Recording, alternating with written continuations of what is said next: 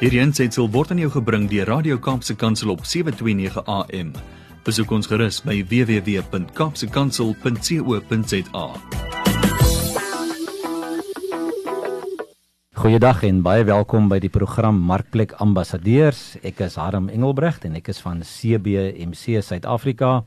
En CBMC is die Christian Business Men's Connection. En ons is 'n wêreldwye bediening waar ons sakemanne en sakepersone uh, toerus en oplei om die evangelie van Jesus Christus ook op 'n manier uit te dra in hulle werksplek ehm um, sodat ander kan sien dat hulle ehm um, ambassadeurs is van Christus. So een van ons fokusse is om te sê ons is markplek ambassadeurs en dis ook wat ons program se naam is. Ons is ambassadeurs vir Christus in die markplek. En vandag het ek weer die voorreg om te gesels met 'n gas hier in die ateljee. En hierdie gas is so half 'n bietjie van 'n ander taal en van 'n van 'n van 'n ander afkoms as wat ons nou al mee gesels het. En as ek sy naam gaan sê, gaan ek dit dalk verkeerd uitspreek. So ehm um, ek gaan jou vra om jou naam te sê sodat ek dit nie verkeerd sê nie. Nee, is reg so. My naam is Miguel Correa. Okay, jy het dit gehoor, Miguel Correa. nou Miguel, dit klink Portugees. Mm en hy is uh, van Portugese afkoms, mm -hmm. maar hy praat 'n baie pragtige suiwer Afrikaans. Maar hy gaan ook vandag 'n bietjie met ons Engels praat. So Miguel, jy ken ten minste 3 tale, né? Ja, wel Portugees 'n bietjie sleg. Uh so meer my kinderjare, maar soos ek ouer geword het, baie daarvan verloor. En dan nou Afrikaans en Engels baie goed. Ja. En natuurlik die hemelse taal ook. Ja, sê, die beste taal. Miguel, baie welkom. Baie dankie. Ehm um, Miguel, ehm um, ek wil bietjie met jou gesels ehm um, oor jou waar kom jy vandaan, jou grootword hmm. jare en en en hoe dit gebeur dat jy ehm um, by Jesus uitgekom het. Hmm. Yeah, thanks Aram. Um yeah, basically um I grew up quite close by. I was uh, born born in, born and bred in Cape Town. Um my dad and mom were from Madeira, the island. And um what happens was is that um they came to South Africa when they were teenagers.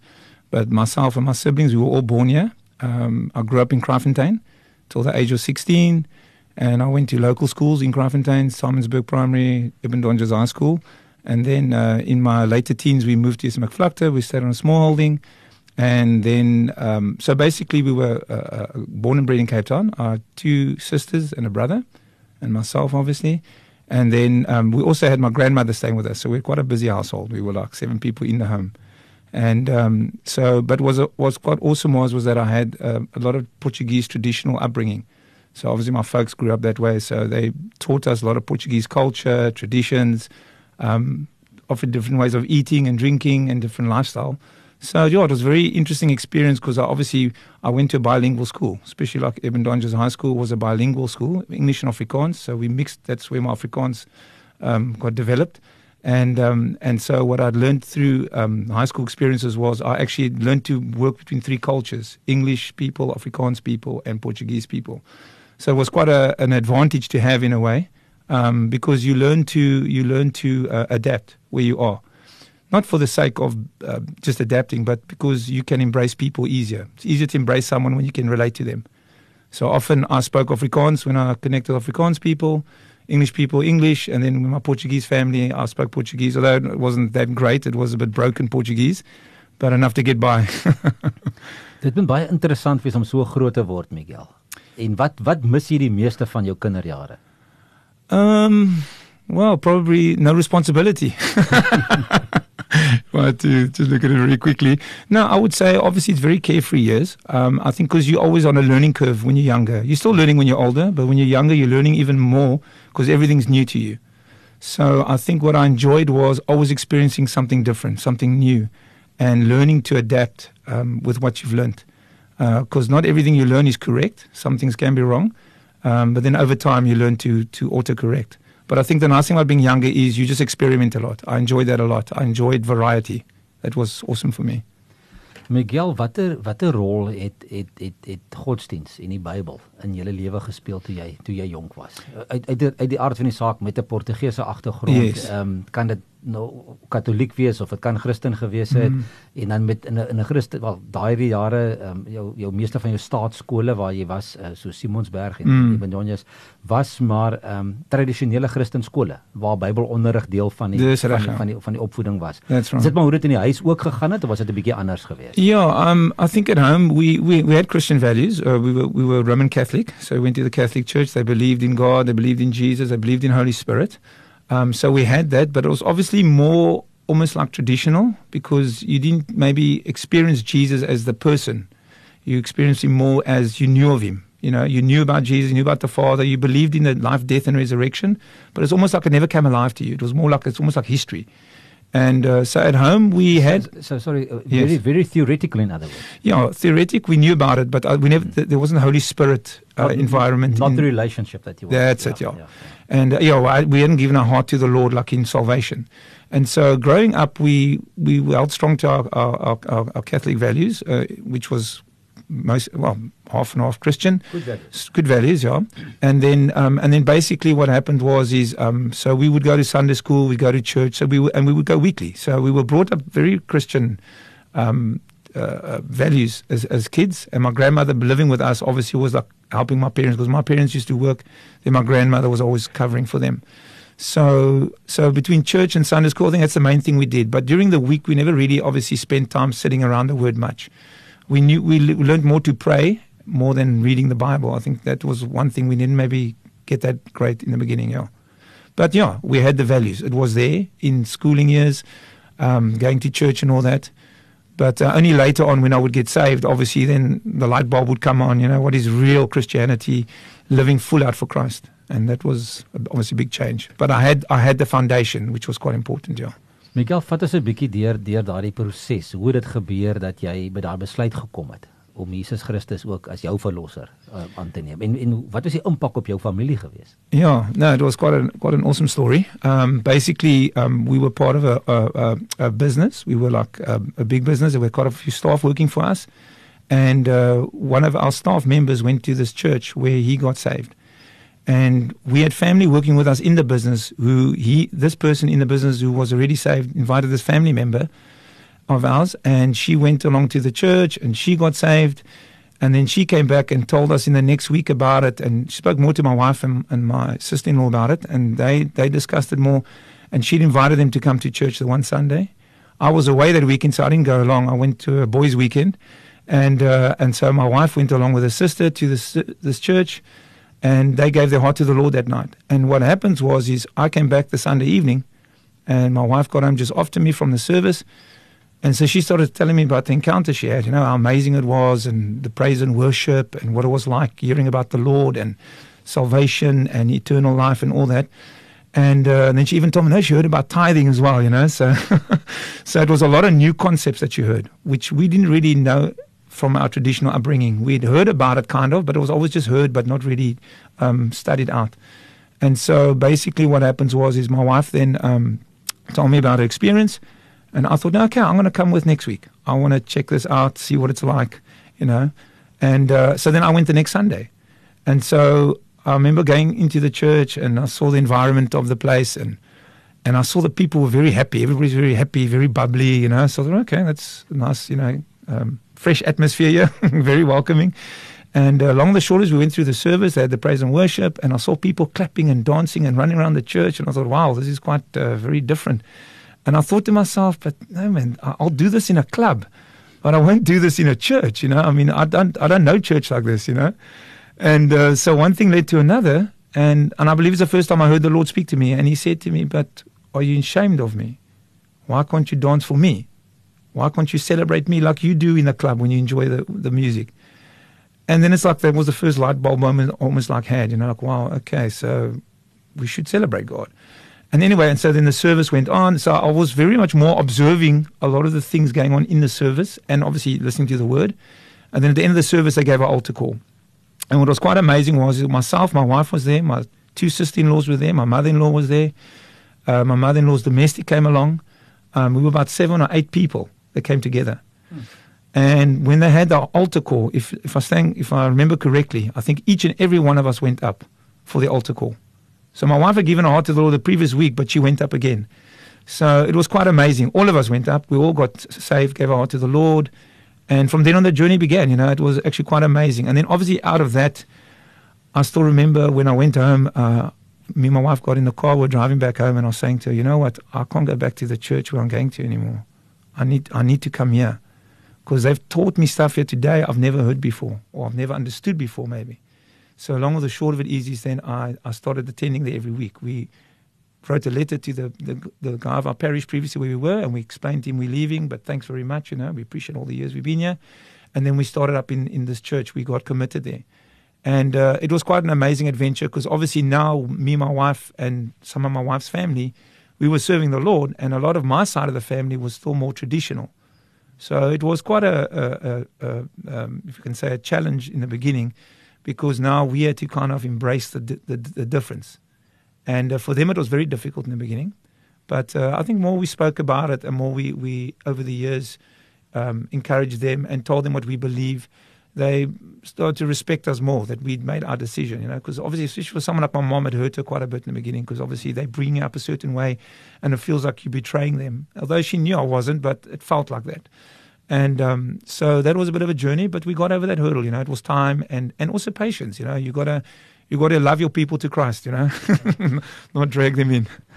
Miguel, jy het gepraat van van daar's 'n bietjie vas verskille gewees. Um differences in in in the way that that that that the church operated yeah. maybe and and what was uh, offered at the church service. Yes. And also uh, differences in the way that you um that you believed before. That's right. Or, yeah. or maybe a few mind shifts that you had to make.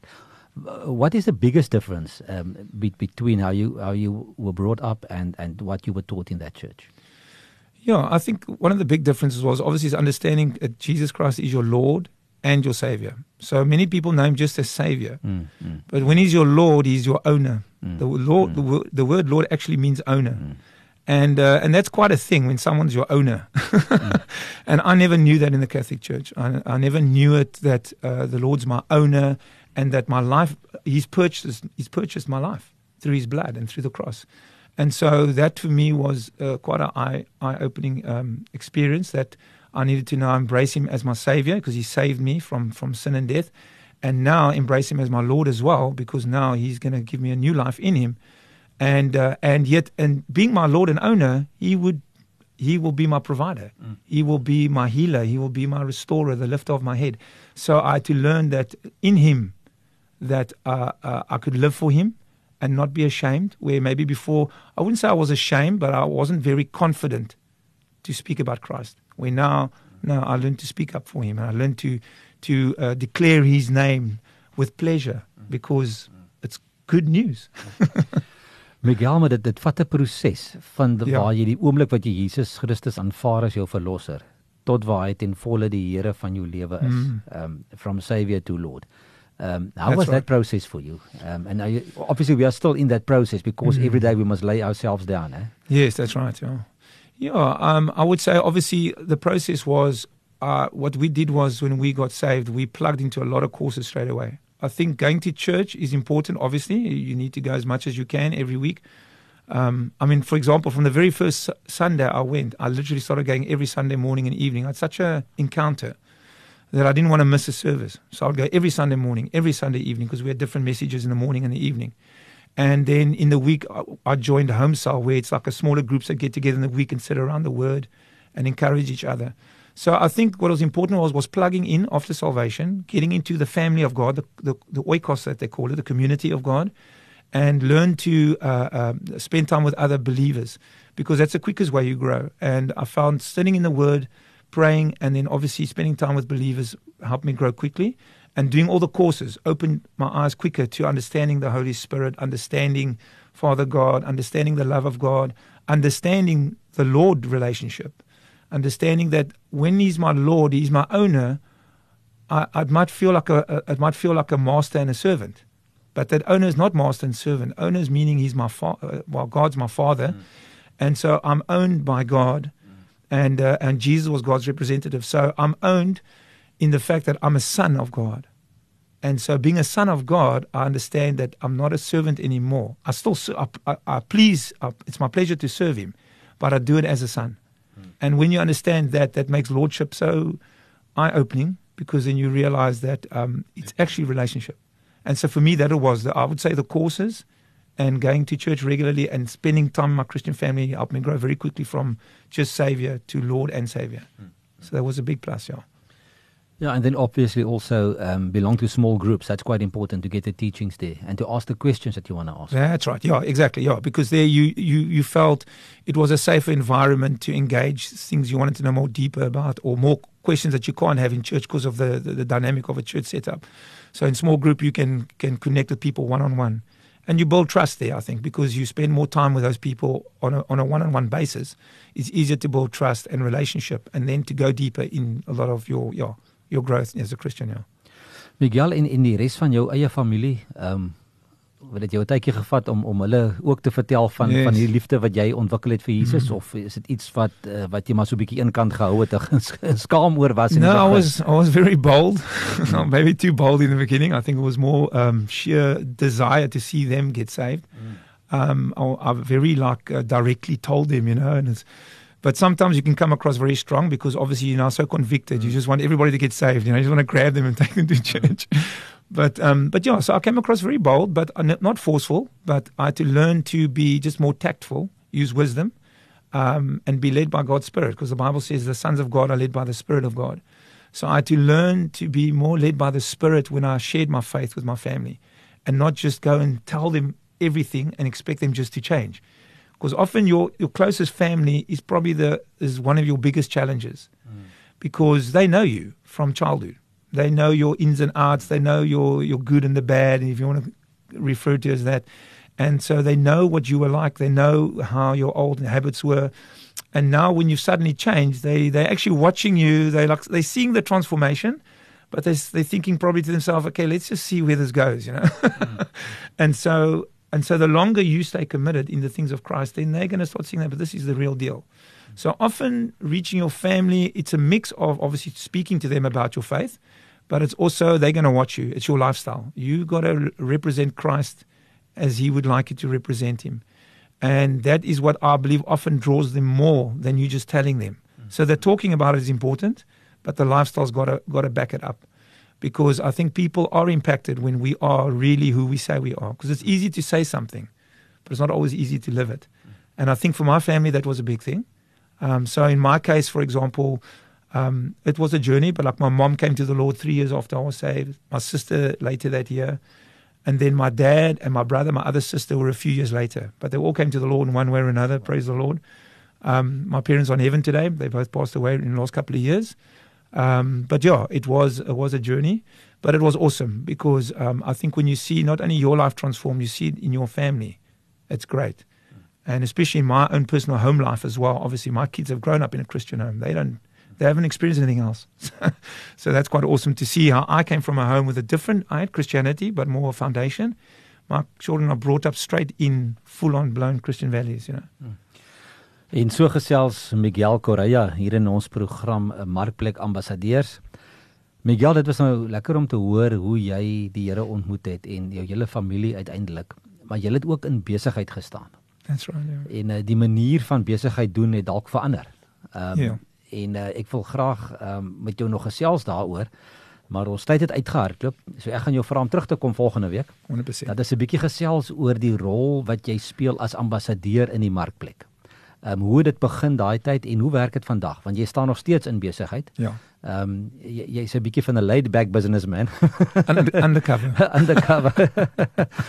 Met jou shorts en jou plakkies, maar jy's nog steeds 'n businessman. Ehm um, maar ook in die in die manier hoe jy besigheid doen. Ehm um, dat ons ook die Here se naam daarso uh, verheerlik. Maar ek wil graag met jou volgende week uh, daaroor gesels as dit reg is. Um, ja, 100%. Baie dankie. Ehm um, so ek gaan julle groet vandag hierdie uit die ateljee van van Radio Kaapse Kansel. Julle het geluister na na die program Markplek Ambassadeurs. En ehm um, ek is van CBMC Suid-Afrika. As jy meer wil weet van CBMC, uh, ge, besoek gerus ons webwerf by www www.cbmc.co.za of stuur oor vir my 'n e-pos by admin@cbmc.co.za. En as jy gemis het wat ons vandag oor gesels het of dalk vorige programme na wil luister, gaan gerus ook op die Radio Kaapse Kansel webwerf en gaan na die SoundCloud skakel en dan tik jy net die naam daar Markplek Ambassadeurs en dan sal jy ons programme daar kry. Uh, maar vir vir nou is dit eers al en ons groet julle. Totsiens. Totsiens. Hierdie ensitsel is aan jou gebring deur Radio Kaapse Kansel op 729 AM. Besoek ons gerus op www.kaapsekansel.co.za.